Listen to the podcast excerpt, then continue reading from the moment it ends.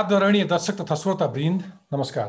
पछिल्लो समय म भौतिक दूरी कायम गर्दै अनि सूचना तथा सञ्चारको क्षेत्रमा उपलब्ध नवीनतम प्रविधिको प्रयोग गर्दै घरैबाट यो विशेष कार्यक्रम tough talk from home tough talk तपाईँसँग सञ्चालन गर्दै आएको छु र आजको यस कार्यक्रममा म दिलभूषण पाठक तपाईँ लगायत मेरा सबै सबै दर्शक तथा श्रोतालाई स्वागत गर्दछु। प्रधानमन्त्री केपी शर्मा ओलीको व्यक्तिगत सनकका कारण विघटन भएको प्रतिनिधि सभा सर्वोच्च अदालतको फैसलाले बिउतेको छ। फैसलाले प्रधानमन्त्रीबाट च्याप्न सुरु भएको संविधान त जोगिएको छ नै यसले धर्मराउँदै गएको न्यायालयमाथिको जनआस्था पनि पुनर्जागृत भएको छ। प्रतिनिधि सभा विघटनको सडसठौँ दिनमा मुलुकका सबै राजनीतिक शक्तिहरू सडक सङ्घर्षमा उत्रे। नागरिक समाजले सङ्गठित रूपमा उत्रेर निरन्तर खबरदारी गर्यो। यसले अब कुनै पनि शासकका निरङ्कुश र संविधान विरोधी गतिविधि स्वीकार्य हुन्न भन्ने पुष्टि भएको छ। अब कुनै शासकमा ओली प्रवृत्ति हावी भए नागरिक शक्तिको बलमा त्यस्ता शासकको हविगत ओलीकै जस्तो हुन्छ भन्ने पाठ पनि सिकाएको छ। तर के नेपालका राजनीतिक दल र तिनका नेताहरूमा ओली प्रवृत्ति अन्त्य भएको हो र हामीले बुझ्नै पर्ने सर्वोच्च अदालतको फैसलाको अर्थ अन्तर्भाव अथवा यसको महत्व के हो? जथाभावी संविधानको मर्ममाथि प्रहार गर्नेले थप के बुझ्न जरुरी छ? संविधानको इमान्दार कार्यान्वयनमा अब कस्तो होसियारी आवश्यक छ? दल र नेताहरूलाई अरू जवाबदेही बनाउन कसरी सकिन्छ? सर्वोच्च अदालत एउटा अदालत हो। तर राजनीति गर्नेहरूका लागि सबैभन्दा ठुलो अदालत जनता हुन् यो कुरा बुझ्न जरुरी छ। यस्तै प्रश्नको जवाब खोज्न आज मैले संविधानविद डाक्टर विपिन अधिकारीलाई निम्ति आएको छु। डाक्टर अधिकारीले संविधान सभाबाट संविधान निर्माण गर्ने क्रममा विशेष भूमिका खेल्नु भएको छ। सर्वोच्च अदालतका पूर्व न्यायाधीशहरू समेत रहेको संविधान निगरानी समूहका सदस्य अधिकारी संविधान निर्माण गर्दाको मर्म र हाल संविधानमा लेखिएका अक्षरहरूको अर्थ राम्ररी बुझ्न सक्नुहुन्छ। आउनुहोस् स्वागत गरौँ। आजका मेरा अतिथि काठमाडौँ विश्वविद्यालयका पूर्व डिन प्राध्यापक डाक्टर संविधानविद विपिन अधिकारीलाई। विपिन अधिकारीजी टफ टकमा स्वागत छ। धन्यवाद नमस्ते। आरामै हुनुहुन्छ? ठिक छु राम्रो छ। विपिनजी बारम्बार संवादमा आमन्त्रण गर्छु टक टकमा तपाईँलाई म अक्सर जब जब संविधानसँग सम्बन्धित मुद्दाहरू उठ्छन् म सम्झिरहेको थिएँ तपाईँसँग करिब आठ वर्ष अगाडि पहिलो संवाद गरेको रहेछु जुन बेला हामी संविधान निर्माणको प्रक्रियामा थियौँ। तपाईँ यो संविधानको साक्षी हुनुहुन्छ त्यसकारण पनि मैले तपाईँलाई आज बोलाएँ। एउटा संविधान विज्ञ जो लेखनको प्रक्रियामा यति लामो समयसम्म तपाईँ प्रत्यक्ष इन्भल्भ हुनुभयो प्रतिनिधि सभा विघटनमाथि पर्टिकुलरली पट्टि पछिल्लो पटक सर्वोच्च अदालतले गरेको पछिल्लो फैसलाले के अर्थ राख्छ? यसको अन्तर्भाव के हो? र सर्वोच्चको यो निर्णयको पछाडिको भित्री मर्म के छ? तपाईँले देशभित्र बाहिरका विभिन्न राजनीतिक घटनाक्रम इभन ठुल्ठुला अदालतका निर्णयहरू पनि हेर्नु भएको छ समीक्षा गर्नुभएको छ धेरै नेताहरूको शैली देख्नु भएको छ तिनको प्रवृत्तिहरू नजिकबाट निहाल्नु भएको छ। तपाईँले बिपी कोइराला समेतका केही दस्तावेजहरू सङ्कलन गर्नुभएको छ अध्ययन गर्नुभएको छ। मेरो प्रश्न के हो भने के इतिहासमा पनि नेताहरूमा कुनै सनक चढ्दाखेरि जनताले जुन दुःख पाएका घटनाहरू छन् नि ती घटनाहरूसँग यो घटना कसरी जोड्न सकिन्छ? यो एउटा राम्रो निर्णय हो मलाई लाग्छ यो धेरै संक्षिप्त पनि छ सठिक पनि छ प्रभावकारी छ र सबैभन्दा ठुलो प्रयोजनपरक छ। यसको हरेक चाहिँ जुन एउटा शब्दहरू छन् त्यसको अर्थ छ र जसले चाहिँ हाम्रो संविधानवादको व्याख्यालाई महत्त्वपूर्ण रूपमा सघाउँछ। हाम्रो सबैभन्दा एउटा संवैधानिक प्रणालीमा सबैभन्दा ठुलो समस्या महत्त्वाकाङ्क्षाको हुन्छ। र संविधानले प्रजातन्त्रलाई प्रजातन्त्रले निर्णय गर्ने पद्धतिलाई र निर्णय गर्ने पद्धतिले आम नेपालीलाई सार्वभौम बनाउने हो। अब त्यो पद्धतिमा जब महत्वाकाङ्क्षा धेरै राखिन्छ खास गरी शासकीय महत्वाकाङ्क्षा अनि समस्याहरू आउँदछन्। अब त्यस्तो समस्याहरू हामीले सात सालदेखि नै निरन्तर चाहिँ भोग्दै आएका छौँ र के देखिन्छ भने राम्रा शासकहरूले पनि इच्छा आकाङ्क्षाका कारणले गर्दा आफूले गर्न सक्ने कुराहरूमा चाहिँ ध्यान नदिने र नगर्न सक्ने कुराहरूका लागि अख्तियारको प्रयोग गर्ने। अब त्यस्तो भइआएको छ। र हामी देख्दछौँ राजाहरूले गरेका छन् प्रधानमन्त्रीहरूले गरेका छन्। अहिले चाहिँ हामीलाई के लाग्थ्यो भने कि संविधान सभाले एउटा लामो सङ्कट झेलेर एउटा संविधान ल्याएको छ। अनि त्यो संविधानले धेरै शक्तिशाली चाहिँ एउटा अदालतको व्यवस्था गरेको छ एउटा धेरै पावरफुल प्रधानमन्त्रीको व्यवस्था गरेको छ र हाम्रा जुन अहिलेका जुन संयन्त्रहरू छन् अब पहिले जस्तो छैन किनभने यिनको जनाधार धेरै बलियो छ। त त्यति हुँदा हुँदै पनि अनि यो अख्तियारको प्रयोगमा सीमा हुन्छ यसको लिमिट हुन्छ यो तथानाम गर्न पाइँदैन। कुनै पनि अधिकार प्रधानमन्त्रीकै होस् दुई तिहाईकै प्रधानमन्त्रीको होस् निर्वाचित प्रधानमन्त्रीको होस् जतिसुकै बलिया मान्छेको होस् त्यो बल चाहिँ संविधानको परिधिभित्र प्रयोग गर्नुपर्छ। त्यसको सीमा हुन्छ भन्ने कुरा चाहिँ अनि यदा कदा बिर्सिने एउटा चलन। हाम्रो देशमा झन् धेरै त धेरै देशहरूमा यस्तो हुन्छ। हाम्रो कुनै एउटा भनौँ नेपाल मात्र टेस्ट केस होइन। धेरै देशहरू छन् धेरै प्रधानमन्त्रीहरू छन्। तर हाम्रो समस्या के हो भने कि हामीले सिकिसक्यौँ बुझिसक्यौँ जानिसक्यौँ अब त अनुभव भयो अब यस्तो गर्नु हुँदैन भन्ने जुन म्याच्योरिटी छ परिपक्वता त्यो चाहिँ हाम्रो शासक वर्गमा आउन बाँकी नै छ र आफ्नो कमी कमी कमी कमजोरीको समाधान संविधानले दिँदैन। संविधानले त जहिले पनि एउटा शक्तिको कुनै पनि अवधारणालाई खास गरी निर्वाचित शक्तिलाई आफ्नो सीमामा बस्ने र उत्तरदायी बनाउने। त अहिलेको जुन फैसला छ त्यो महत्त्वपूर्ण फैसला हो। र त्यो महत्त्वपूर्ण फैसला हो शक्तिको प्रयोगको सम्बन्धमा। तर राजनैतिक संस्कृतिका जुन विषयहरू छन् त्यो त अदालतले सच्याएर हिँड्न सक्दैन राजनीतिका कुराहरू। अब त्यो संस्कृतिका कारणले गर्दा प्रधानमन्त्रीका आफ्ना व्यवस्थाहरू पनि थिए गुनासोहरू पनि थियो र उहाँबाट चाहिँ जुन हुन सक्ने एउटा अप्टिमम चाहिँ प्रयोगहरू थियो। त्यसमा उहाँ अलिकति उताउलो पनि देखिनुभयो। मलाई लाग्दैन थियो कि प्रधानमन्त्रीले आफ्नो दुःखको समाधान प्रतिनिधि सभालाई भङ्ग गरेर खोज्नुहुनेछ भनेर। तर उहाँले खोज्नुभयो अदालतले त्यसलाई सच्याइदियो प्रधानमन्त्री आफ्नो कुर्सीमै हुनुहुन्छ। अब यो संविधान र पद्धति अनुसार अनि उहाँले समाधान खोज्ने हो। नेपालको राजनैतिक समस्याको पनि आफ्नो पार्टीको पनि। धेरैले प्रधानमन्त्रीले संविधानको धारा होइन आफ्नो अहमको धारा एउटा सनक चढेर अहमको धारा टेकेर त्यो विघटनको प्रयास गरेका थिए त्यसलाई सर्वोच्चले उल्टाइदियो भन्ने टिप्पणी छँदैछ। तर म आज तपाईँलाई आम जनताको तर्फबाट पनि प्रश्न राख्छु नै। हेर्नुहोस् न गरिब नागरिकसँग जोडिएको अनेकन मुद्दाहरूको थाकको थाक अदालतमा बाँकी नै थन्किरहेका छन्। न्यायको पर्खाइमा कतिको जीवन बितेको छ। एउटा मान्छेको मुद्दा छ ज्यान प्राण गइसक्यो तर उसले न्याय पाउँदैन।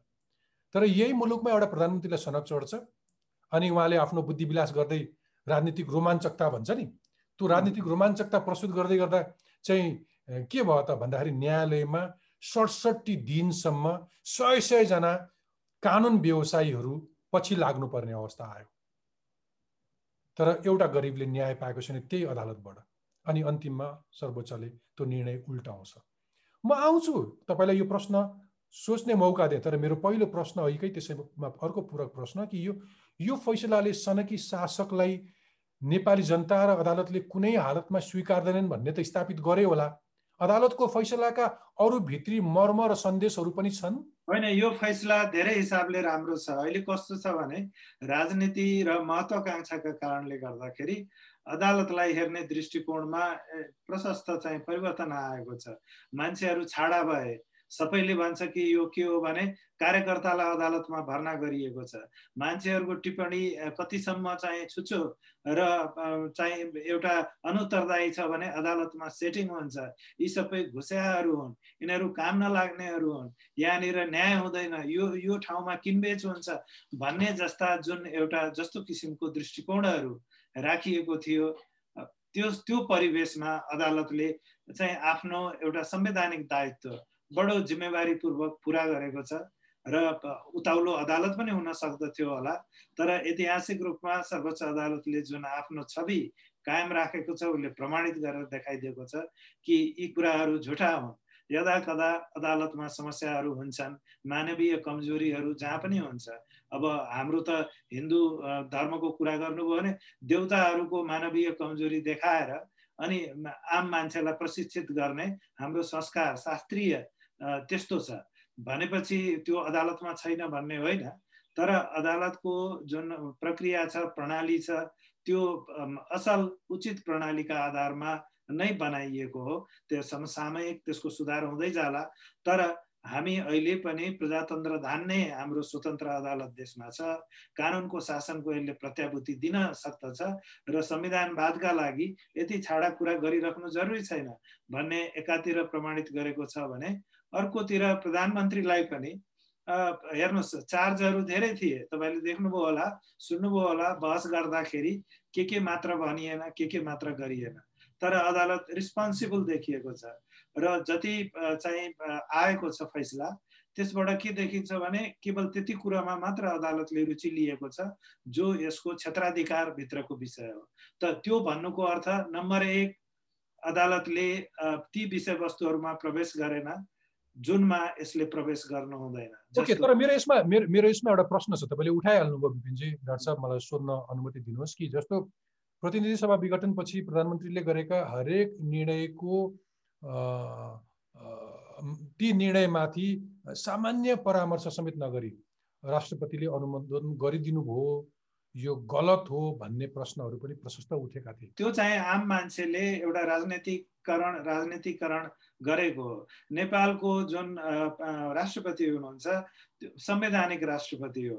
अब उहाँको काम कारबाहीहरूका बारेमा विभिन्न हिसाबले समीक्षाहरू भएका छन् र कतिपय अतिशयोक्तिहरू पनि छन्। संवैधानिक राष्ट्रपतिले एउटा निर्वाचित प्रधानमन्त्रीबाट गरिएको सिफारिसलाई प्रधानमन्त्रीले समय दिनु भएन प्रधानमन्त्रीले बल गर्नुभयो प्रधानमन्त्रीले प्रिभेल गर्न खोज्नुभयो भने रोक्न सक्दैन। रोक्ने भन्ने कुरो त संविधानले दिँदै दिँदैन। राष्ट्रपतिले गर्ने भनेको अलिकति ढिलो गरिदिने अलिकति प्रक्रियालाई लम्ब्याइदिने जसले गर्दाखेरि अड्डा अदालत सक्रिय हुन सकुन्। र यति समय दिने ताकि सिफारिस गर्ने प्रधानमन्त्रीले पनि पुनर्विचार गरेर फर्केर आउनुभयो भने हातबाट चाहिँ फुत्किसकेको नहोस्। त त्यस्तो अवस्था राष्ट्रपतिले त्यसरी प्रयोग गर्नुभयो गर्नु भएन। उहाँको परिस्थितिहरू अब राष्ट्रपतिले प्रेस विज्ञप्ति दिएर आफ्नो व्यवस्थाको बारेमा वर्णन गर्न त सक्नुहुन्न। हाम्रो पद्धति त्यस्तो होइन।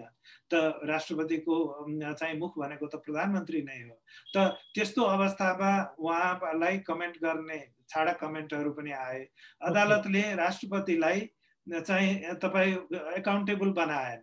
उसले चाहिँ जुन रूपमा एउटा संवैधानिक अदालत संवैधानिक राष्ट्रपतिको मर्यादा हुन्छ त्यसलाई कायम राख्यो। वकिलहरूले बहस नगरेको होइन। लिखित जवाफमा दुराशयुक्त भनेर चाहिँ लान्छना नलाइएको पनि होइन र वास्तवमा भन्नुहुन्छ भने राष्ट्रपतिलाई औँला ठडाउने होइन। जति चाहिँ यसमा विषयवस्तुहरू छन् त्यसको जिम्मेवारी प्रधानमन्त्रीले नै लिनुपर्ने हो। अदालतले बडो एउटा मर्यादापूर्ण डिसिजन एउटा प्रश्न। उहाँले अलिकति विवेक पुऱ्याएर काम गर्नु पर्थ्यो अथवा अबदेखि काम गर्दा अलिकति विवेक पुऱ्याउनु पर्छ भन्ने राय दिन चाहिँ सक्दैन थियो सर्वोच्चले। मलाई लाग्दछ त्यो त्यो राय त्यस्तो राय दिन सक्थ्यो होला। कतिपय अदालतहरूले के हुन्छन् भने निर्णय गर्ने मुख्य प्रश्नमा मात्र नभएर अलिकति पेरिफेरल इस्युहरूमा पनि यो राजनैतिक संस्कृतिलाई सहयोग पुग्छ भनेर भन्ने गर्दछन् तर त्यसका जोखिमहरू पनि छन्। जोखिमहरू के छ भने त्यसलाई चाहिँ प्रतिपक्षले होस् सत्तापक्षले होस् दुरुपयोग गर्न सक्दछ र अदालतको भावनालाई अदालतले त फैसला लेख्दछ। त्यसलाई चाहिँ न्यायोचित छ भनेर बजारमा चाहिँ त्यो के हो भने प्रमाणित गर्दै हिँड्दैन। र त्यस कारणले गर्दा अदालतले त्यस्तो ठाउँमा छोएन जुन ठाउँमा संवेदनशीलता बढी हुन्छ र उसले आफ्नो मुख्य जुन एउटा संवैधानिक प्रश्न थियो त्यसलाई उसले बडो दरोसँग जवाफ दियो र यसरी जवाफ दियो कि तपाईँ हामी कानुनका विद्यार्थीहरूले राम्रोसँग हेर्दाखेरि पनि कहीँ पनि अदालतले नबोल्ने कुरो बोलेको छैन बोल्ने कुरो छुट्याएको छैन। अर्को इस्यु आयो भने त्यसमा पनि अदालतले हात हाल्ला। तर अहिलेलाई चाहिँ अदालत एउटा मर्यादामा उभिएकै देख्छु मैले। Okay okay. अब अर्को नि जस्तो बहुमतको प्रधानमन्त्रीले आफूलाई काम गर्न कसैले दिएनन् म जनतामा जान्छु भनेर किन भन्न नपाउने भन्ने तर्क उहाँको छ नि? एक हिसाबले हेर्दा त ठिकै जस्तो पनि सुनिन्थ्यो नि प्रधानमन्त्रीले। आफ्नो बहुमतको सरकार छ मलाई मेरै पार्टीका मान्छेहरूले काम गर्न दिन्नन्। अब म जनतामा किन जान पाउन्न? निर्वाचनमा जाउँ लोकतन्त्रको एउटा एउटा बलियो आधार हो जनतामा जाने भन्ने उहाँको तर्क थियो। तर यो यो तर्कलाई अदालतले किन सुन्नै चाहेन? अर्को साइड मलाई लाग्दछ अदालतले सुनेको हेर्नुहोस् अदालतको के हो भने सबैभन्दा महत्त्वपूर्ण स्रोत व्यक्ति भनेको वकिलहरू हुन् जो चाहिँ पक्ष विपक्षबाट आएका हुन्छन्। र यदि न्यायिक प्रक्रियामा सम्बन्धित प्रश्न छ र त्यो प्रश्नमा जवाब छ भने अनि अदालत सुन्न चाहन्छ भेरिफाई गर्न चाहन्छ त अदालतले कानुन जानेको हुन्छ। वकिलहरूले बोलेनन् भनेर कानुन छोडेर त अदालत हिँड्दैन। तर वकिलहरूले चाहिँ आफ्नो पक्षको कुरालाई बलियोसँग राख्न सक्दछन् र जुन कानुन अन्तर्गत उनीहरूलाई फाइदा हुन्छ त्यो कानुनमा टेकेर आउँछन्। संविधानलाई त्यो रूपमा व्याख्या गर्न सक्दछन् भन्ने अदालतले त्यो रूपमा सोचेको हुन्छ। त कतिपय अवस्थामा बेन्चले त्यस्ता कुराहरूलाई फोकस गर्दछ जुन कुरा चाहिँ वकिलहरूले बहस गरिरहेको हुँदैन। उल्टो कुरो गरिदिएपछि अनि प्रतिरोध गर्न लाग्छन्। प्रतिरोध गर्दाखेरि न्यायका न्यायका लागि आवश्यक कुराहरू फुत्त फुत्त झर्न थाल्छ। त त्यो दृष्टिकोणले बेन्चले प्रभोग गर्ने भन्छन् नि। त प्रभोग गर्नुको अर्थ के हो भने तपाईँ दिमागमा एउटा सेट मिला मिलाएर आउनुभयो रहेछ अदालतलाई कन्भिन्स गर्छु भनेर। अदालतले त्यो सेटलाई चाहिँ भत्काइदिन्छ र तपाईँलाई रिओरिएन्ट गरिदिन्छ प्रश्न सोधेर। वास्तवमा जस्तो हाम्रो प्रधान न्यायाधीशले कि सुरुका बहसहरूमा प्रश्न गर्नुभयो कि वकिलहरूलाई कि तपाईँले संविधानमा कहाँ लेखिएको छ? प्रधानमन्त्रीले चाहिँ प्रतिनिधि सभालाई भङ्ग गर्नु हुँदैन भनेर। अब कतिपय मान्छेले खास गरी मिडियाका मान्छेले धेरै टिप्पणी गरे। मैले टिप्पणी गरिनँ। त्यस्ता किसिमका प्रश्नहरूले त्यो उल्लेख गर्ने व्याख्या गर्ने एउटा चाहिँ के भनेदेखि परिवेश पनि दिन्छ समय पनि दिन्छ र अवसर जुटाइदिन्छ। हो त्यो कारणले गर्दा त्यसरी सोधिन्छ मलाई लाग्दछ उल्टो प्रश्न सोध्ने। एब्सोल्युटली तर प्रतिनिधि सभा विघटनको मुद्दा चाहिँ अदालतमा छिर्ने बित्तिकै प्रधानमन्त्रीसँग सेटिङ छ अरे उनकै पक्षमा फैसला आउँछ अरे भन्ने ठुल्ठुला आशङ्काहरू प्रकट भए। अदालतमा विचाराधीन विषयमा नेताहरू नै बाहिरबाट बोलिदिन थाले। धाकधम्सीको भाषा पनि प्रयोग गरे होइन? त्यसले पनि एउटा अदालतप्रतिको पूर्ण भरोसा छैन भन्ने त देखायो। अनि फेरि अदालतमा न्यायाधीशहरूले त्यो पक्ष विपक्षमा हुँदा गरेका प्रश्नहरूलाई समेत आधार मानेर कुनै न्यायाधीशको मानमर्दन गर्ने खालको टिप्पणीहरू पनि भए होइन? ठुल्ठुला मिडियाहरूबाट पनि। अब यसले पनि फेरि यता आम मिडियामा अथवा नागरिकहरूको तहमा पनि सही विवेक भन्दा पनि एउटा भिडको लहरमा अलिकति बढी प्रभावित हुने जस्तो पनि देखियो। यसले यसले त फेरि अदालतको एउटा बुझाइ एउटा मर्म गरिमामा अर्थ राख्छ नि होइन? यसले असर पर्छ नि। प्रशस्त पर्दछ प्रशस्त पर्दछ अदालतको संवेदनशीलतालाई सबैले बुझ्नु पर्दछ खास के हो भने सबै एउटा व्यावसायिक न्यायाधीशहरू उनीहरूलाई संविधान के हो कानुन के हो भन्ने थाहा छ पद्धति के हो भन्ने थाहा छ तर वातावरण त राजनैतिक परिवेशले दिनु पर्दछ हामीले अदालतहरू देउता होइन गल्ती पनि गर्छन् अदालतहरूबाट पनि कहिलेकाहीँ कतिपय विषयहरूमा ध्यान नपुगेको हुन सक्दछ। त सच्याउने पद्धति जुन राखिएको छ न्याय प्रणालीमा त्यसैले राखिएको हो। त्यसैले त हामी तह तहको अदालत चाहिन्छ। होइन? सुरुकै अदालतले नै सबै काम गर्थ्यो नि। राणाकालमा तपाईँ कोटिलिङ्ग र चपलीबाट सारा कारवाही हुन्थे। अहिले हामीलाई किन चाहिँ यत्रो स्वयं अदालत चाहिएको छ। किनभने अदालतमा पनि त्यस्ता विषयवस्तुहरूलाई ध्यान पुर्याउनुपर्छ जुन मानवीय एउटा समस्याहरूका रूपमा रहेका हुन्छन् व्यक्तित्वमा विचारमा ज्ञानमा विज्ञानमा। त त्यो दृष्टिकोणले चाहिँ हामीले त्यो हेर्नु पर्दछ अहिले चाहिँ के मान्छेले लत्तो छाडे। आफ्नो हैसियत कसैले पनि हेर्दैन अदालतमा सेटिङ छ भनेर। त्यो के हो भने अब के गर्ने? अदालतले बाहिर आएर गालामा ठ्याम्का ठ्याम हिर्काउने न्यायाधीश त्यस्ता मान्छेलाई के भने न्याय र अन्यायको कुरो गर्ने मान्छेलाई कम्तीमा त्यतिसम्म त पर्खिनुहोस् जतिसम्म उसले मुद्दाको सुनवाई गरिसक्दैन निर्णय दिन सक्दैन। आज निर्णय गरेको छ अदालतले अब टिप्पणी गर्दा मिल्दछ। भन्न मिल्छ अदालतले कहाँनिर के गर्यो भनेर। एब्सोल्युटली विपिनजी तर अब यो दुई महिनामा मैले टफ टकमा पनि त्यस्तो विवादस्पद अथवा अदालतमाथि टिप्पणी गर्न कुनै गेस्टहरूलाई बोलाइन। त्यो त्यो कुनै आरोप प्रत्यारोपमा कसैलाई संलग्न गराइन मलाई खुसी लाग्यो तपाईँले यो कुरा भन्नुभयो। अब म फेरि म मेरो अक्सर कार्यक्रममा मेरो केन्द्रबिन्दु ती दर्शक श्रोता अथवा आम नागरिक हुन्। मैले अघि तपाईँलाई प्रारम्भमै उठाउन खोजेको एउटा प्रश्न। अब अदालतको यति कुरा गरिसकेपछि फेरि मलाई जोड्न मन लाग्यो अघि भन्न खोजेको आम जनताको प्रश्न। गरिब नागरिकहरूसँग जोडिएको विपन्न दुखी त्यो निर् निरीय अथवा जसको कुनै पहुँच छैन त्यो बेसारा नागरिकसँग जोडिएका अनेकन मुद्दाहरू अदालतमा थाँती छन्। भलै पछिल्लो केही वर्षहरूमा अदालतले ती मुद्दाहरू घटाउने न्याय सम्पादनमा अलिकति प्रभावकारी बनाउने विभिन्न अभियानहरू सञ्चालन गरेको हामी साक्षी छौँ। भलै अझै पनि मुद्दाहरू महिनौँ वर्षौँ अड्किरहेका छन्। त्यो न्यायको पर्खाइमा बस्दा बस्दै कतिको ज्यानै गएको छ। कोही मरेर गयो उसले मरेर जाँदासम्म न्याय पाएन। वर्षौँ ऊ न्यायको न्यायालयको ढोका चार्दा चार्दै गयो। अनि अनि संविधानले व्यवस्था नगरेको आफ्नो सनकको भरमा एउटा प्रधानमन्त्रीले एउटा निर्णय गरिदिन्छन्। अनि अनि अनि मुलुक दुई महिनाभन्दा बढी समय बन्दी बन्छ। न्यायालयमा सडसठी दिनसम्म चाहिँ सयौँ कानुन व्यवसायीहरू त्यो मुद्दामा अल्मलिनु पर्ने हुन्छ अनि फेरि हामी पुरानो अवस्थामा फर्किन्छौँ। यसले त आम सिङ्गो न्यायालय तिनको काम कारबाही आम नागरिकमै अन्याय भयो नि होइन? हो। अब अहिले त्यो चाहिँ हाम्रो न्याय प्रणालीको एउटा गम्भीर समस्या हो। हामी संवैधानिक मुद्दा भन्छौँ। म तपाईँलाई भन्छु कानुनमा संविधानमा कुनै यस्तो प्रश्न छैन जसको जवाब जसका बारेमा बहस आधा घन्टामा सक्न सकिँदैन। न्यायका प्रक्रियाहरू त्यो त्यो चाहिँ सरल पनि हुनुपर्दछ संक्षिप्त पनि हुनुपर्दछ र न्यायिक जुन एउटा इन्टरभेन्सन या हस्तक्षेप को आवश्यकता आम मान्छेहरूलाई बढी छ। हामीले देख्दछौँ तपाईँले भन्नुभयो गरिब निमुखाहरू छन् ज्येष्ठ नागरिकहरू छन् महिलाहरू छन्। अब धेरै लामो अवधिदेखि अदालतको प्रतीक्षामा छन् कहिले न्याय पाइएला भनेर तारेकमा बसेका छन्। उनीहरूलाई पन्छाएर कति मान्छे बन्दी भएर चाहिँ बस्नु परेको छ बन्दी प्रत्यक्षीकरण खोजिरहेका छन्। त यस्तो अवस्थामा हामीले के पाउँछौँ भनेदेखि अदालतले अब एउटा यस्तो विषयमा चाहिँ दुई महिनाभन्दा बढी समय खर्च गर्नु पर्यो। जुन विषय चाहिँ सामान्य रूपमा प्रधानमन्त्रीले आफ्नो एटर्नी जेनरललाई महाधिवक्तालाई चाहिँ सल्लाह गरिदिनु भएको भए यो तपाईँ के भन्नुहुन्छ? मैले त यस्तो सोचेको छु भनेको भए उहाँले चाहिँ संविधानको किताबै नपल्टाइकन यो तपाईँले गर्न मिल्दैन भनेर सल्लाह दिन सक्थे। हामीले एउटा प्रयोग गऱ्यौँ होला एउटा कानुन एउटा के अरे आदेश एउटा नजिर स्थापना स्थापित भयो।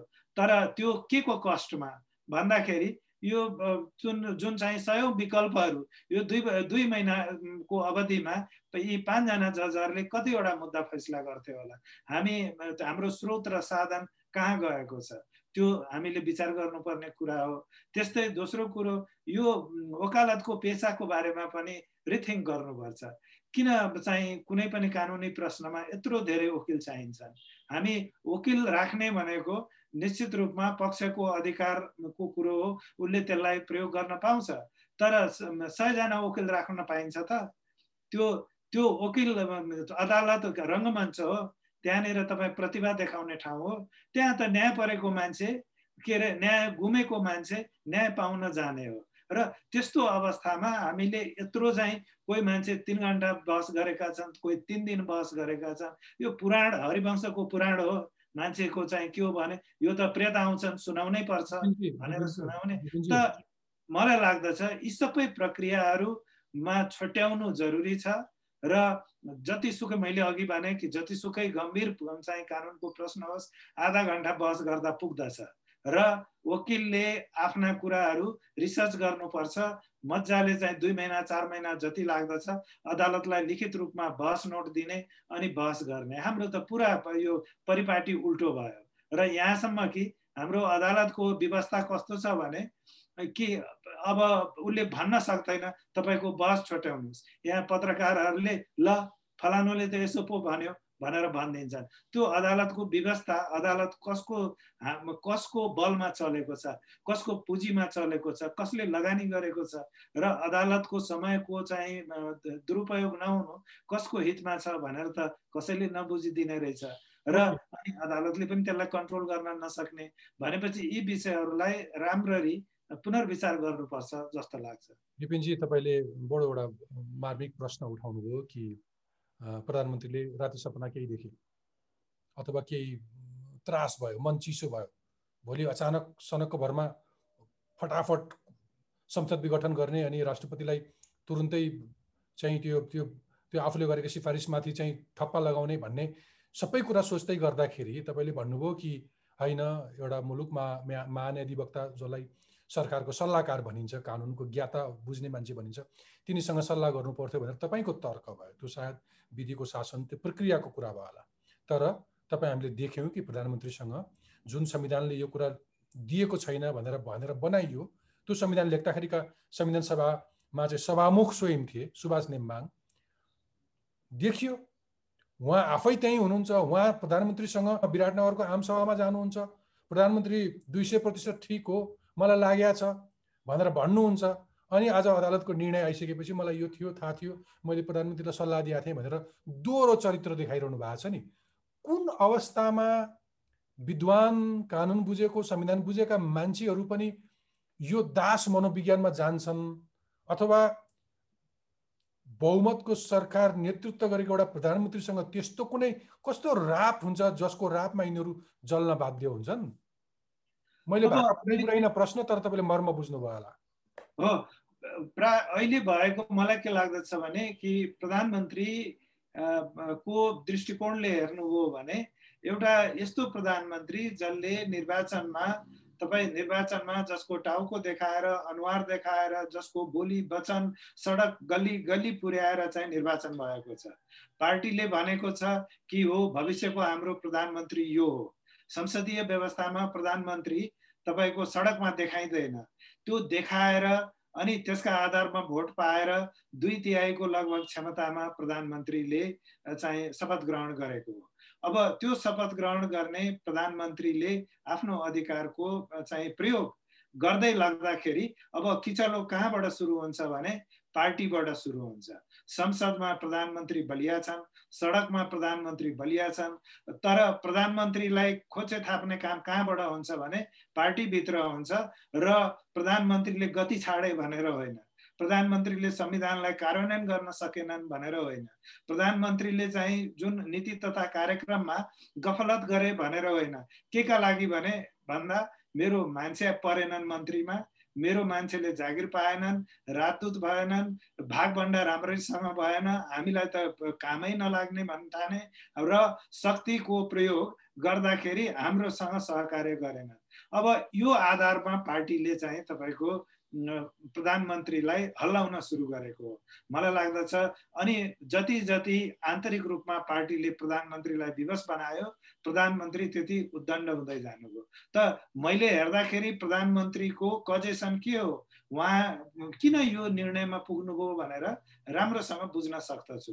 मेरो कुरा के हो भने कि हामीले नेतृत्व जसलाई भन्दछौँ राजनैतिक रूपमा कसरी आफ्नो पार्टीभित्रको डिसेन्ट म्यानेजमेन्ट आफ्नो जुन गतिरोधको व्यवस्थापन कसरी गर्ने भन्ने जिम्मेवारी त प्रधानमन्त्रीकै हो।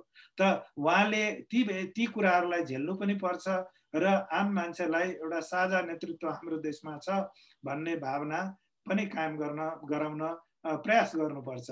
तर त्यतापट्टि उहाँले बल गर्न सक्नु भएन के गर्नुभयो भने झेल्नुभयो सुरुमा म देख्दछु। यहाँसम्म भयो कि प्रधानमन्त्रीले अब प्रधानमन्त्रीलाई संसदमा समस्या छैन समस्या आफ्नो पार्टीमा छ।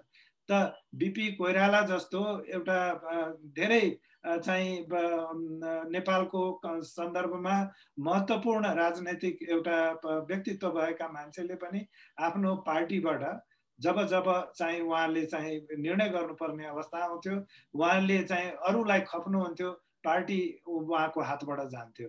त यो अवस्था देखेको हुनाले त्यो प्रधानमन्त्रीका बारेमा केही सिम्पेथीहरू पनि छन्। तर त्यो सिम्पेथी भए पनि प्रधानमन्त्रीले आफ्नो जुन एउटा राजनैतिक क्षमताको प्रयोग गर्नु पर्दथ्यो र त्यसको दण्ड हामीले चाहिँ आम जनतालाई दिने होइन। हेर्नुहोस् हामी निर्वाचनमा बिस अरब रुपियाँ खर्च भयो लास्ट इलेक्सनमा के का लागि भने एउटा प्रधानमन्त्री निर्वाचन गर्नका लागि। र त्यो प्रधानमन्त्रीले मैले शक्तिको प्रयोग गर्न सकिनँ किनभने मेरो पार्टीका अनिर्वाचित मान्छेहरूले दुःख दिए मलाई भन्ने उसको भनाइमा हामीले केही न केही दम देख्नुपर्छ। समस्या हो कसरी देख्ने? संविधान निर्माण गर्दा प्रधानमन्त्रीको त्यस्तो अधिकार हुनुपर्छ। भनेर मैले नै मेरो नमुना संविधानमा प्रधानमन्त्रीको विशेषाधिकार हटाउन चाहिन तर संविधान सभाले मानेन। एकदम कुल्ली चिसो हृदयले छलफल गरेर राम्ररी बुझेर यो यसले त अस्थिरता गर्यो। जति बेला पनि प्रधानमन्त्री बलियो भन्न यदि प्रतिनिधि सभा नै भङ्ग गर्ने अवस्था आउँछ भने त्यो भङ्ग गर्ने अधिकार चाहिँ राख्नु हुँदैन भनेर छलफल भएको छ। त्यसका बारेमा टिका टिप्पणी भएका छन्। धेरै चाहिँ महत्त्वपूर्ण एउटा समयमा मान्छेले जवाब दिएका छन् बोलेका छन् रेकर्ड छ। अब अहिले आएर संविधानमा नराखेको कुरालाई त्यो राखिएको छ त्यो लुकेर बसेको छ त्यसलाई थुतेर झिक्नुपर्छ भनेर संविधानको व्याख्या गर्न हुँदैन। संविधान भनेको सरल बुझ्न सकिने र पहिलो नजरमा नै चाहिँ स्पष्ट हुने दस्तावेज हो। जब कोट्याइ कोट्याइ चाहिँ त्यसलाई तपाईँ निचोरेर हेर्नुभयो भने त गुलाबको फुल पनि गनाउन लाग्छ।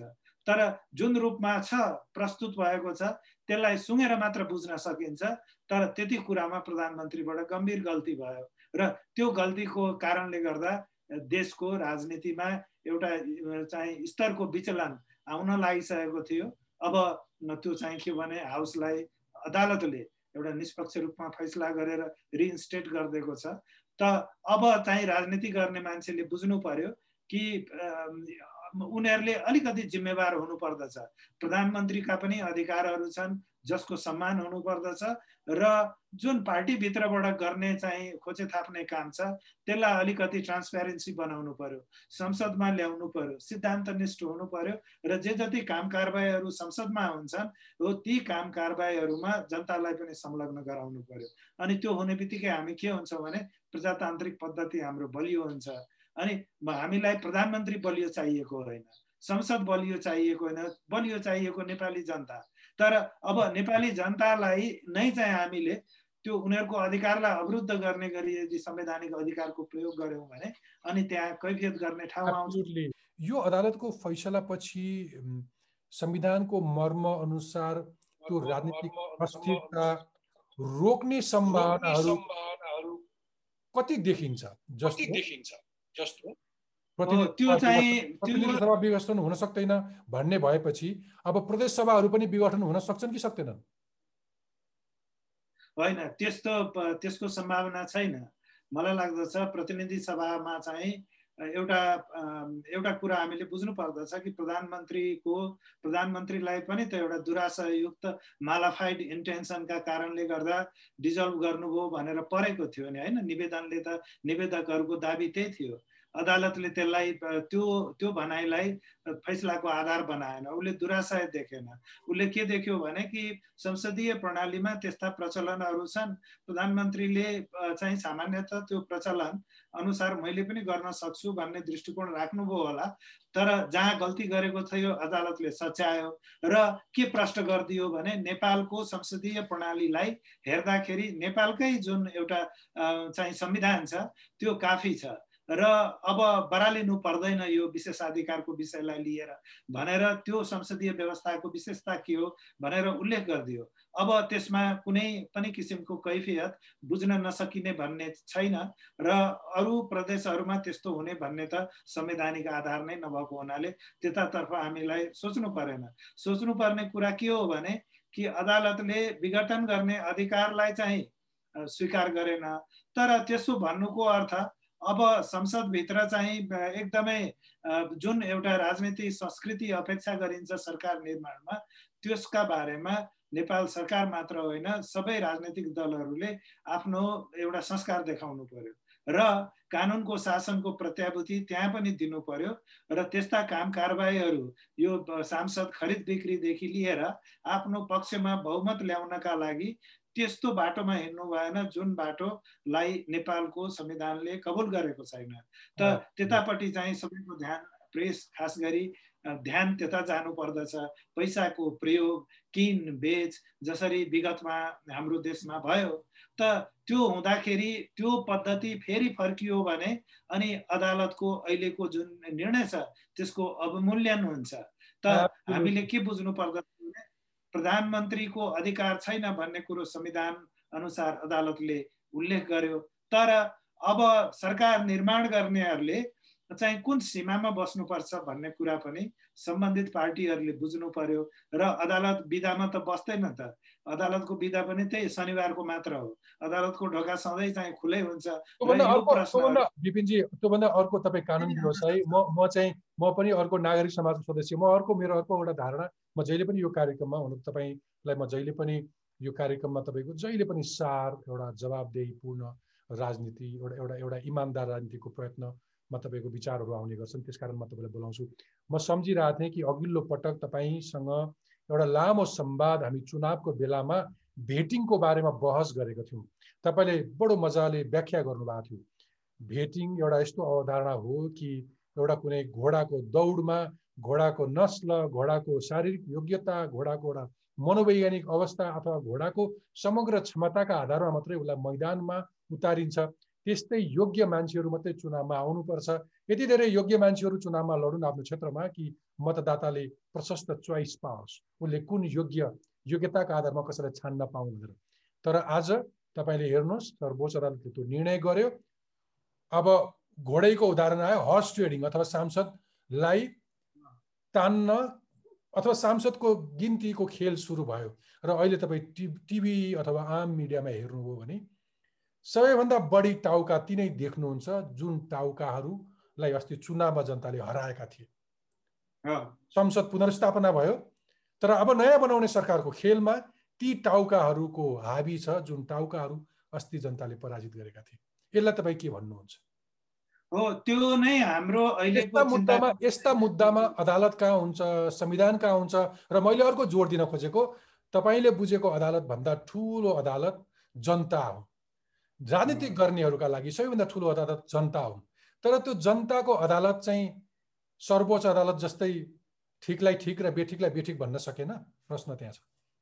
हो त्यो जनता हाम्रो जनतालाई पर्याप्त रूपमा जुन एउटा नागरिकता शिक्षा पुगेको छैन। मान्छे अहिले पनि तेरो पार्टी मेरो पार्टी भन्छन् त्यसका आधारमा भोट हाल्दछन्। उनीहरूलाई योग्य चाहिँ उम्मेदवारलाई भोट हालौँ। र पाएका जुन विकल्पहरू छन् त्यस त्यो विकल्पलाई अलिक जिम्मेदारीपूर्ण भएर चाहिँ त्यो निर्वाह गरौँ भनेर त्यो सोच्ने हाम्रो नेपाली जनता छैन। त्यसको प्रभाव चाहिँ अनि हाम्रो राजनीतिमा अत्यधिक रूपमा छ।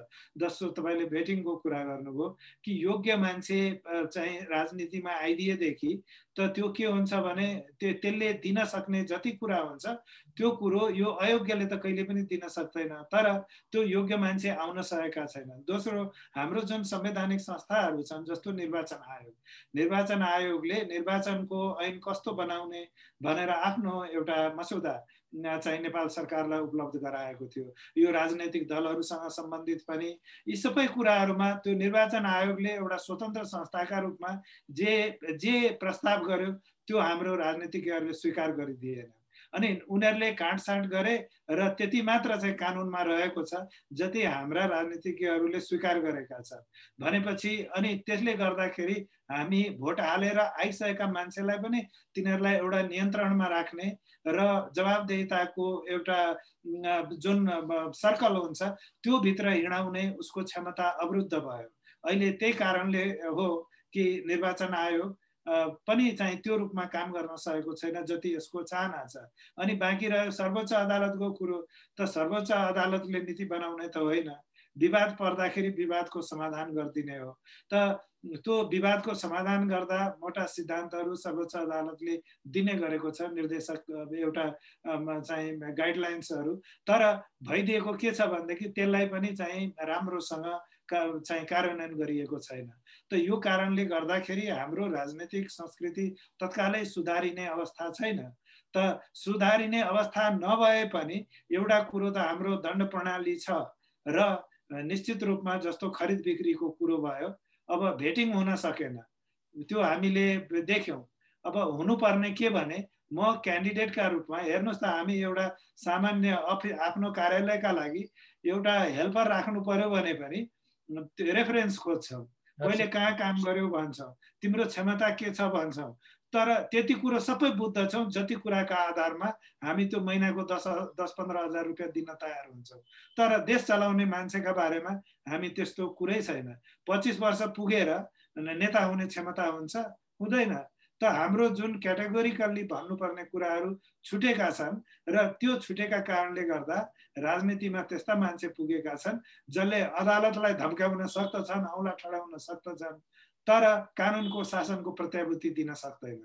त त्यो पद्धतिलाई चेक गर्ने भनेको अहिले पनि अहिले पनि हाम्रो निर्वा निर्वाचन सम्बन्धी जति कानुनहरू छन् त्यसको राम्रो प्रयोग गर्ने र पार्टी दर्ता सम्बन्धी जुन ऐन छ हो त्यसको राम्रो प्रयोग गर्ने हो भने हाम्रा समस्याहरू धेरै हदसम्म चाहिँ समाधान हुन्छ। तर त्यसका लागि त आम जनताले त्यो जवाबदेहिता खोज्नु पर्यो। अहिले कसरी नागरिकहरूको आन्दोलन भयो प्रेसले लेख्यो तपाईँ त्यो लेखाइ त्यो आन्दोलन त्यस्ता विषयहरूमा पनि केन्द्रित गर्नु पर्यो जहाँ चाहिँ साना विषयको बारेमा निर्णय हुन्छ तर जसको ठुलो इम्प्याक्ट हुन्छ।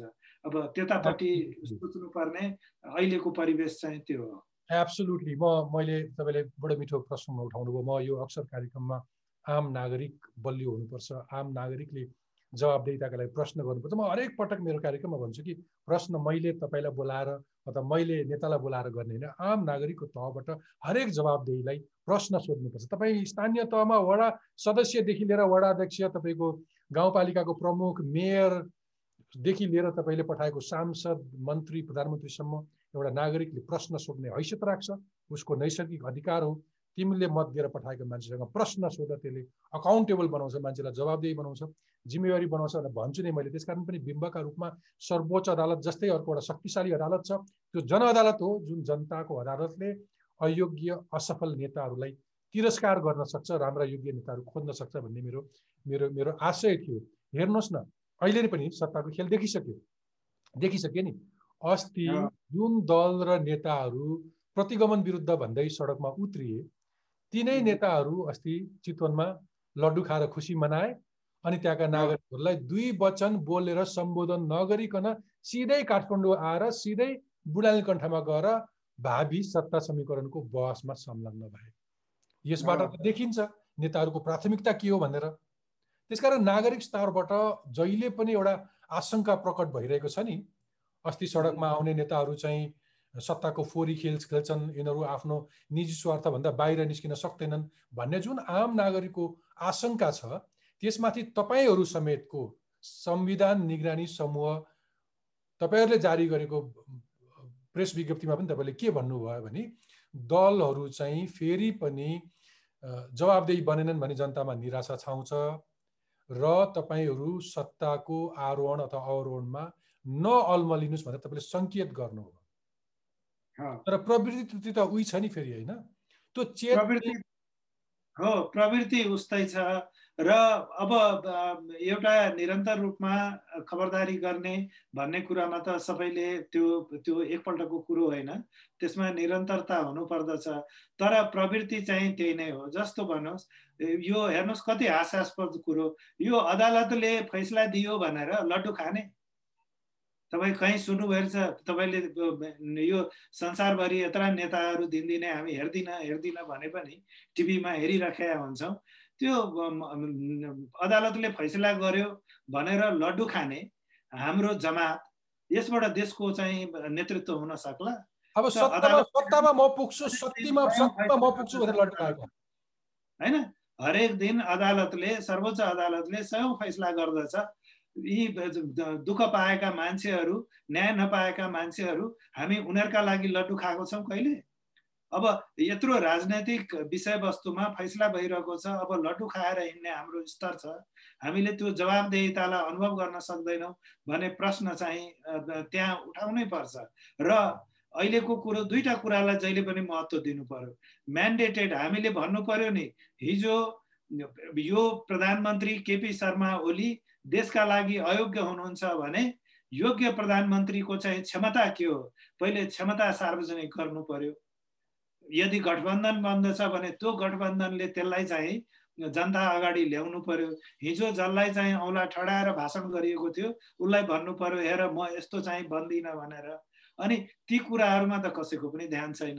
अनि केमा छ भने कसरी चाहिँ कहीँ वर्तमान प्रधानमन्त्री नै निरन्तरता पाउनुहुन्छ कि? भन्ने आधारमा अब समीकरणहरू बनाउने। मलाई लाग्दछ यस्ता कुराहरूको त भण्डाफर हुनुपर्दछ। यदि प्रधानमन्त्रीले गरेका कामहरू गलत छन् भने त्यो गलत कुरालाई साबित गर्ने बेला हो र हामी यी कुरालाई यस्तो बनाउँछौँ भनेर अनि त्यसपछि यो सत्ता समीकरणमा जाने हो। त त्यो भएन भने त नेपाली जनतालाई त्यो बोकाको टाउको देखाएर कुकुरको मासु बेचे जस्तो हुन्छ। हामी हिजो पनि एउटा गल्ती भइसकेको छ। त हिजो पनि हामीले के भनेका थियौँ भने प्रधानमन्त्रीका बारेमा जे जति टिका टिप्पणीहरू छन् जस्तो कानुन निर्माणका विषयमा कतिपय विषयमा मेरो पनि कमेन्ट थियो।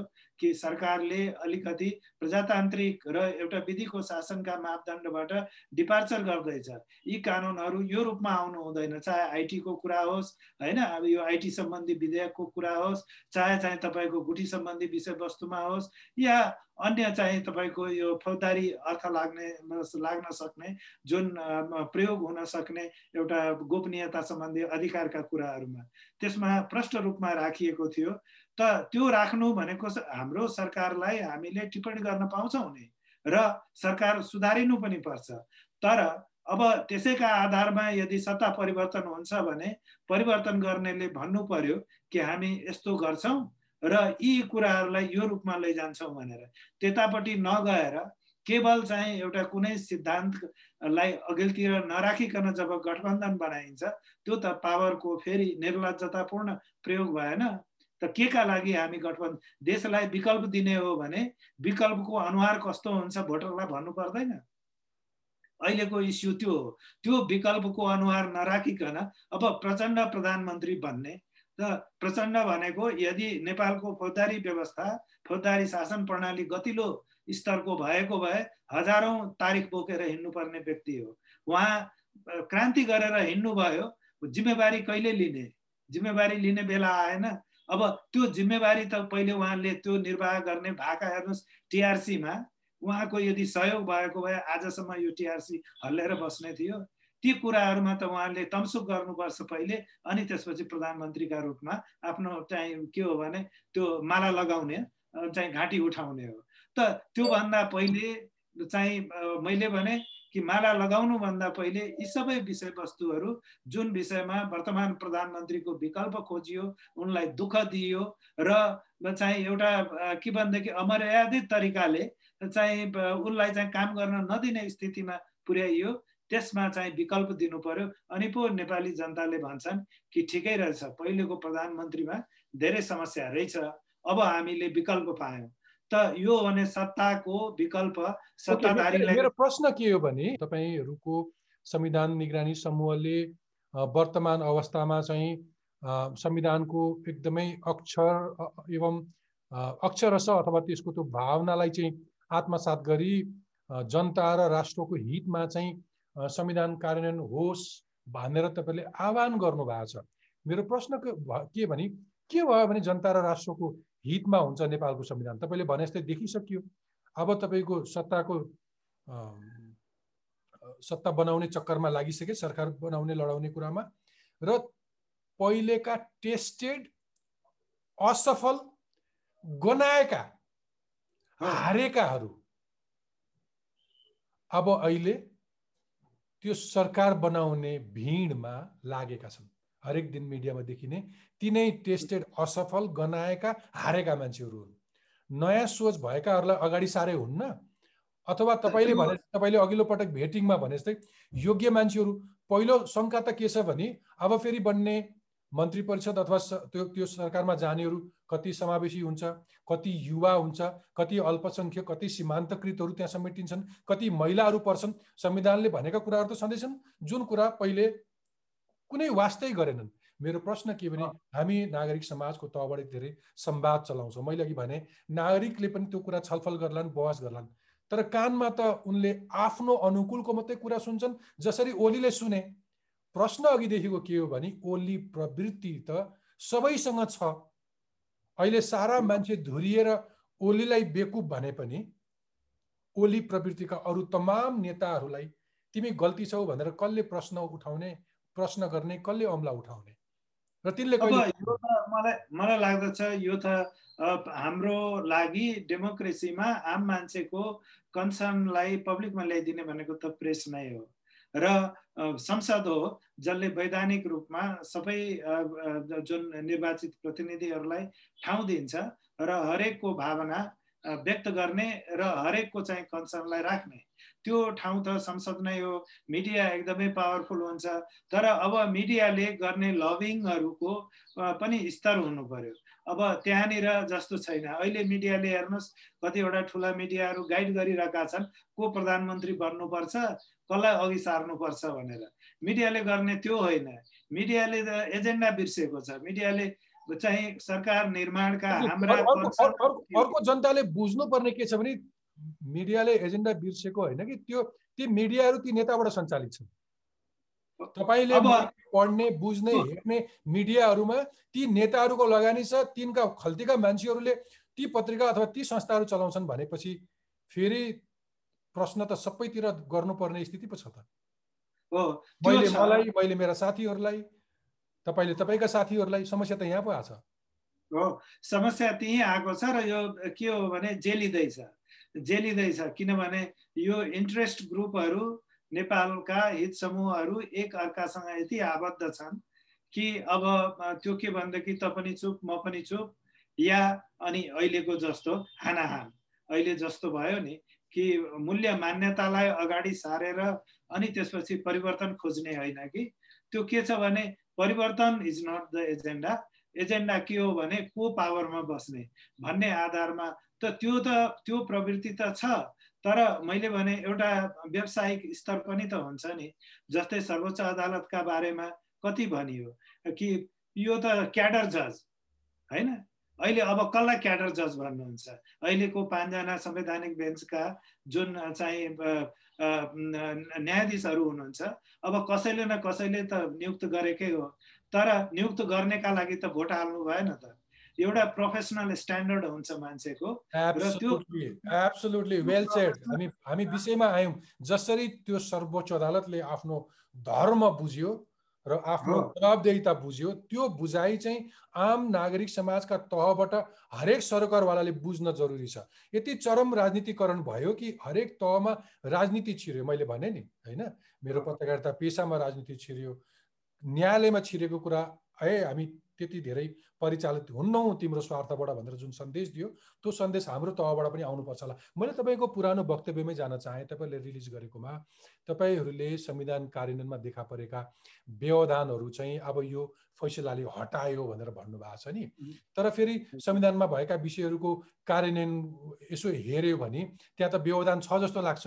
जस्तो संहिता अनुसार म पछिल्लो समय तिनवटा प्रदेश सरकार प्रमुखहरूसँग त्यहाँको स्थानीय सरकार तल्लो वडा तह गाउँपालिकाको वडाको सबैभन्दा तल्लो सबैभन्दा कान्छो जनप्रतिनिधि अथवा महिला अथवा दलित प्रतिनिधि दलित प्रतिनिधिदेखि लिएर गाउँपालिकाको अध्यक्ष मेयर हुँदै प्रदेश प्रमुखसम्मसँग संवाद गरेर आएको छु रिसेन्टली तिनवटा प्रदेशमा। त्यहाँ केही कुराहरू बुझ्दाखेरि केन्द्रले कुनै पनि अधिकारै नदिएको तलसम्म उनीहरूलाई त्यो त्यो संहिताको प्रत्याभूतै हुन नपाएको भनेर खुलेआम उनीहरूले त्यो असन्तुष्टि व्यक्त गर्छन् दृष्टान्त सहित कानुनले व्याख्या गरेका कुराहरू गर्न पाइएन भनेर। त्यसमाथि फेरि धर्मनिरपेक्षतालाई हटाउने भनेर एक किसिमको बहस चलाएर मुलुकका ठुला दलहरू जिम्मेवार नेताहरू पनि हिँडिरहेका छन्। यी सबै संविधानका व्यवधान होइनन्? तपाईँहरूले भनेको संविधानमा संविधान कार्यान्वयनमा देखा परेका व्यवधानहरू चाहिँ यो फैसलाले हटायो भनेर भन्न खोज्नुभएको के हो? होइन? व्यवधान त सबै हटाएको भनेर होइन।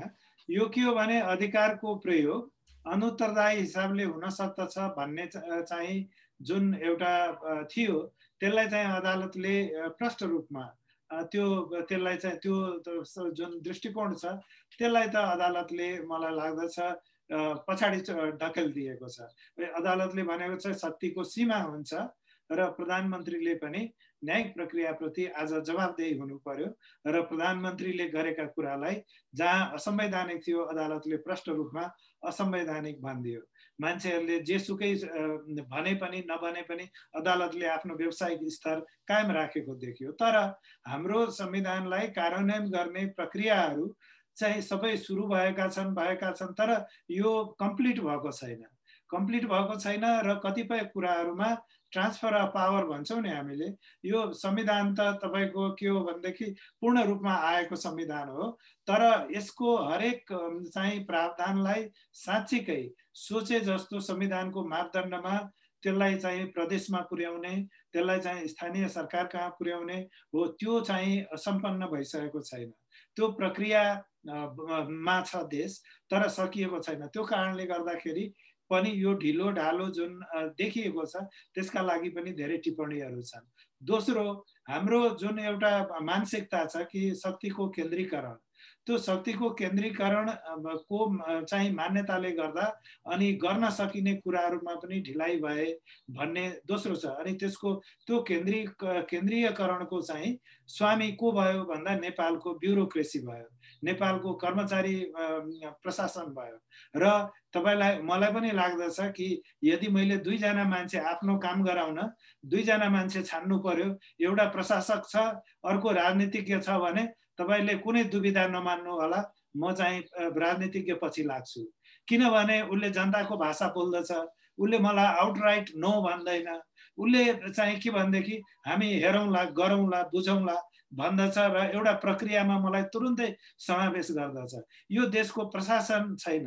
त्यो नियुक्तिदेखि लिएर अधिकांश अवस्थामा तपाईँ त्यो जागिरमा हुन्जेलसम्म जागिर सकिएपछि त्यो पेन्सन खाउन्जेलसम्म उसले आफ्नो सरकार बाहेक अरू हेर्न खोजेको देखिँदैन। त अहिलेको हाम्रो संविधान संवैधानिक प्रणालीको जोखिम भनेको के हो भने हामी मूल्य मान्यता एउटा सिस्टममा सम्पूर्ण रूपमा गएपछि अनि त्यसपछि साँच्चीकै प्रयोगमा आउने हो नि त। त्यो सिस्टममा हामी जान दिएकै छैन। अहिले धेरै ठाउँमा देख्यौँ हाम्रो मलाई आफ्नो अनुभव के छ भने तेस्रो तहमा त यत्रो ठुलो रूपान्तरण देशमा हुँदैछ। तपाईँ हामी त्यसबाट चाहिँ अनभिज्ञ छौँ। किनभने त्यो रूपान्तरण भनेको चाहिँ जुन सुरुमा भनियो नि गाउँ गाउँमा सिंहदरबार। त त्यो चाहिँ अलिकति राम्रो चाहिँ भनाइ चाहिँ होइन। भन्न खोजेको के हो भने कि आम सरोकारका विषय स्थानीय सरोकारका विषय स्थानीय रूपमै अब हल हुन्छ। त त्यसमा धेरै ठुलो रूपान्तरण छ देशमा। अब त्यसलाई जुन त्यो रूपान्तरणको क्रममा भएको ललेसनेस जुन छ कानुनविहीनता त्यसलाई चाहिँ करेक्सन गर्दै जानुपर्छ। र प्रदेशलाई अहिलेको भन्दा तपाईँ धेरै गुणा बलियो बनाउँदै जानुपर्छ। मलाई लाग्दछ त्यो भयो भने यो करप्सनको कुरा गरिन्छ नि करप्सन काठमाडौँमा हुन्छ हेर्नु। करप्सन स्थानीय रूपमा धेरै कम हुन्छ प्रादेशिक रूपमा पनि कम हुन्छ। धेरै जे जति देखिए हाम्रो सिस्टम सङ्गठन नभएर हो त्यो क्रमशः स्थापित भएपछि त्यो पनि हराउँछ। तर हाम्रो समस्या त काठमाडौँको दृष्टिकोण नै हो। र यो कुरामा अब कन्फ्युजन राख्नु हुँदैन। विपिनजी तपाईँले यति भनिसकेपछि अन्तिम प्रश्न तपाईँले भनिरहेकै कुरामा मैले एड गर्न खोजेँ। त्यसले तपाईँलाई अरू थप होला पनि। पछिल्लो छलफल बहसमा एउटा लागिरहेको कुरा के हो भने हामीले संसदलाई बिउते आयौँ तर त्यो दुई साढे दुई महिना अगाडिको केपी ओलीले त्यो विघटन गर्नुभन्दा अगाडिको संसद हेऱ्यो भने त्यो जनताले अनुभूत गर्ने मेरो संसद जस्तो थिएन। त्यो त्यतिखेर पनि सुतेर बसेको थियो। अहिले बिउते आयौँ तर सुतेर बसेको संसद थियो। प्रधानमन्त्रीले आफ्नो अनुकूलका कति निर्णयहरू गरे? सम्पत्ति शुद्धि शुद्धिकरण राष्ट्रिय अनुसन्धान राजस्व राजस्व अनुसन्धान लगायतका कार्यालयहरू आफ्नो मातहतमा ल्याएर एउटा शक्ति केन्द्रित गर्दाखेरि त्यो एउटा एउटा शक्ति पृथकीकरणको आधारभूत मूल्य समेतलाई कुल्चिए संसदमा त्यतिखेर कोही कोही कोही कसैले केही एक शब्द बोलेनन्। संसद भयो जस्तो लागेन प्रतिपक्षी पनि थिएन। त्यत्रो महामारी आयो। महामारी पनि बोलेनन्। ओम्नी त्यस्ता भ्रष्टाचारका घन्टा घटनाहरू भए। त्यसमा पनि खासै संसद भयो जस्तो जनताले अनुभूत गरेको कुरै होइन। फेरि अर्को तहमा हामी देखिरहेको छौँ कि मुलुकमा यति धेरै भ्रष्टाचार छ।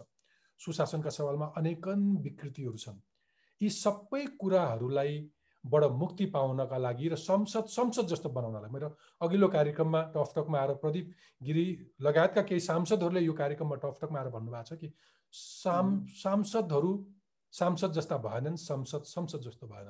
बिचौलियाहरू दलालहरूको झुन्ड जस्तो लाग्छ। संसदमा पस्दाखेरि। एउटा गरिमामय संसदको अपहेलना गर्न खोजे आएन मैले।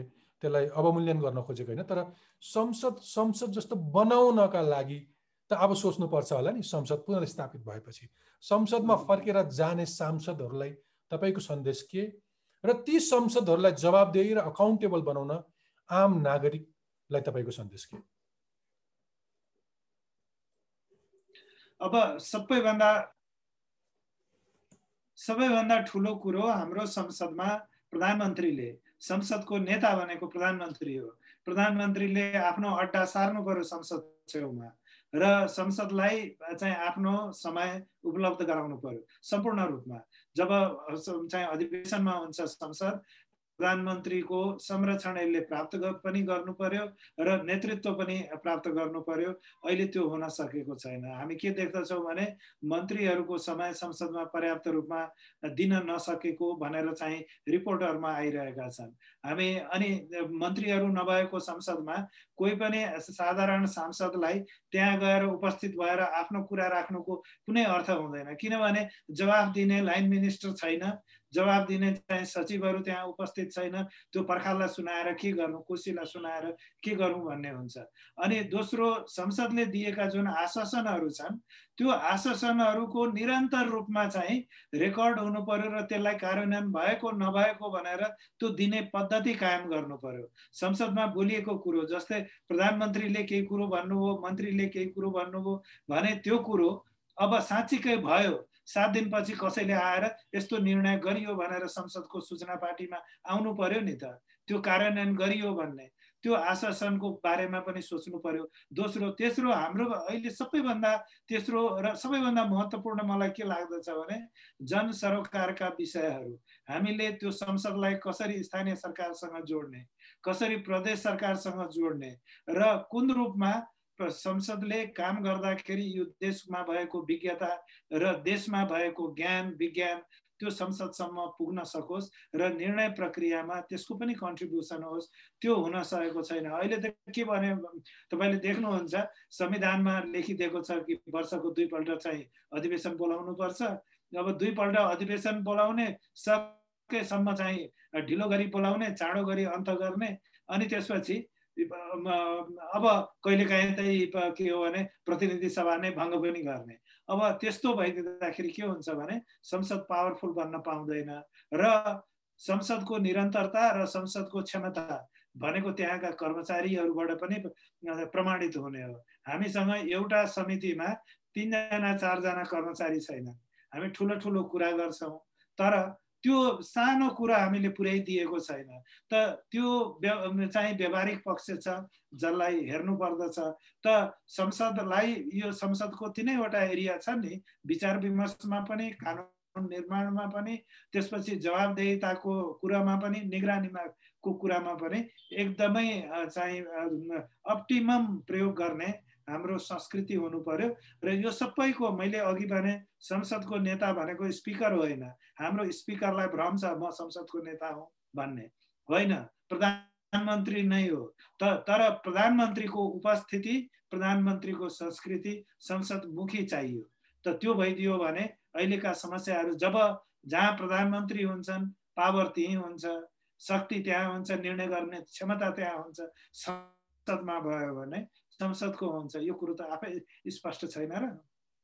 हुन्छ विपिनजी जब जब यो देशमा जब कानुनको संविधानको पालनाको कुराहरू आउँछ जब राजनीति अलिक विकृत जस्तो देखिन थाल्छ तपाईँलाई मैले अक्सर निम्ता गर्ने गर्छु र मेरो निम्ता स्वीकार दिनुहुन्छ। फेरि पनि यस किसिमको संवाद र बहसलाई जारी राख्नेछौँ जहाँ जनता केन्द्रित हुनेछ जन जनताका जनतासँग प्रत्यक्ष सरकार राख्ने सवालहरूको बारेमा छलफल गर्नेछौँ। कानुनका बारेमा कुरा गर्नेछौँ र हाम्रो जवाबदेही संसदलाई अथवा सरकारलाई कसरी अरू जवाबदेहिता बना बढाउन सकिन्छ तिनको बारे बारेमा हामी छलफल गर्नेछौँ। आजको महत्त्वपूर्ण समय र विचारका लागि डाक्टर साहब तपाईँलाई धेरै धेरै धन्यवाद। थ्याङ्क यू भेरी मच धन्यवाद। टफ टकमा अब तपाईँको प्रश्न। नमस्ते म नरेश शिवाकोटी प्रदेश तिन काठमाडौँ निवासी। आज मेरो गुनासो रहेको छ राजनेता एवं जनप्रतिनिधिहरूको निमित्त। हामी अहिले एक्काइस शताब्दीमा हिँडिरहेको छौँ त्यही पनि उहाँहरू अझै पनि बिस शताब्दीको एजेन्डालाई बोकेर अगाडि बढिरहनु भएको छ जसमध्ये उहाँहरू सामन्तवाद भेदभाव निरङ्कुशता जातीयवादको र थुप्रै वादहरूको कुरा मात्र गर्नुहुन्छ। जुन नेपाली परिवेशमा आवश्यक विषय होइन। यदि समयअनुसार हेर्ने भने हाम्रो देशले अहिले विकासवादको एजेन्डा खोजिरहेको छ जसमा कृषि क्रान्ति कृषि क्रान्ति उद्योग क्रान्ति नेपाल निशुल्क शिक्षा निशुल्क स्वास्थ्य रोजगारी एवं नयाँ नयाँ प्रविधिको कुराहरू गर्नुपर्ने हो। तैपनि उहाँहरू अहिले आन्तरिक कलहमा रहेर पार्टीमै अनिश्चितता पैदा गरेर पार्टी नै टुक्राइ टुक्राएर बसिरहनु भएको छ जसले गर्दा नेपाली जनतामा के सन्देश गइरहेको छ भने उहाँहरू एक नम्बरको गैर जिम्मेवार प्रजातन्त्र र लोकतन्त्रको इज्जत नगर्ने सत्ताप्रति म त मोह भएको व्यक्तिगत स्वार्थ त्याग नसक्ने खालको आफ्नो छवि स्थापित गरिसक्नु भएको छ। तसर्थ समय छँदै म आफ्नो उहाँहरूको यो नियतलाई सुधारेर मिलेर देशलाई अगाडि बढ लानुहोस् भनेर म गैर बिन्ती गर्न चाहन्छु। धन्यवाद। नमस्कार म राजेन्द्र घिमिरे। मेरो प्रश्न सम्पूर्ण सरकार पक्ष र विपक्षका नेताहरूलाई के अहिलेको परिवेशमा पनि सधैँ झै कुर्ची र सत्ताको विवादमा परि देश र जनताप्रतिको उत्तरदायित्वलाई भुली व्यक्तिगत स्वार्थ र लोभको भुमारीमा परिरहने कि शिक्षा स्वास्थ्य र देशको अर्थतन्त्रमा परेको असरलाई निहाली विकासको बाटातर्फ अघि बढ्ने। अबदेखि टकटकमा तपाईँ आफै पनि प्रश्न राख्न सक्नुहुनेछ। सरकारमा बस्ने हुन् वा प्रशासन चलाउने? सार्वजनिक ओदामा बस्ने हुन् वा समाजका जिम्मेवार व्यक्ति। प्रश्नको प्रभाव आफ्नै किसिमले परिरहेकै हुन्छ। त्यसैले आजै आफ्नो मोबाइल फोन उठाउनुहोस् क्यामेरा अन गर्नुहोस् नाम र ठेगाना भन्नुहोस् र कसलाई के प्रश्न हो आधा मिनटभित्रमा प्रश्न सोधेर हामीलाई पठाउनुहोस्। प्रश्न पठाउने ठेगाना हो TOUGH TLK one number one at Gmail dot com र INTERFACENEP at Gmail dot com हामी सबैभन्दा राम्रो प्रश्नहरूलाई कार्यक्रममा समावेश गर्नेछौँ। हवस् त अर्को हप्ता यसरी नै जनजीविकाका सवालमा प्रत्यक्ष सरोकार राख्ने समसामयिक विषयका साथ भेटौँला। सुरक्षित रहनुहोस् स्वस्थ रहनुहोस्। आजलाई बिदा दिनुहोस्। नमस्ते। शुभरात्रि।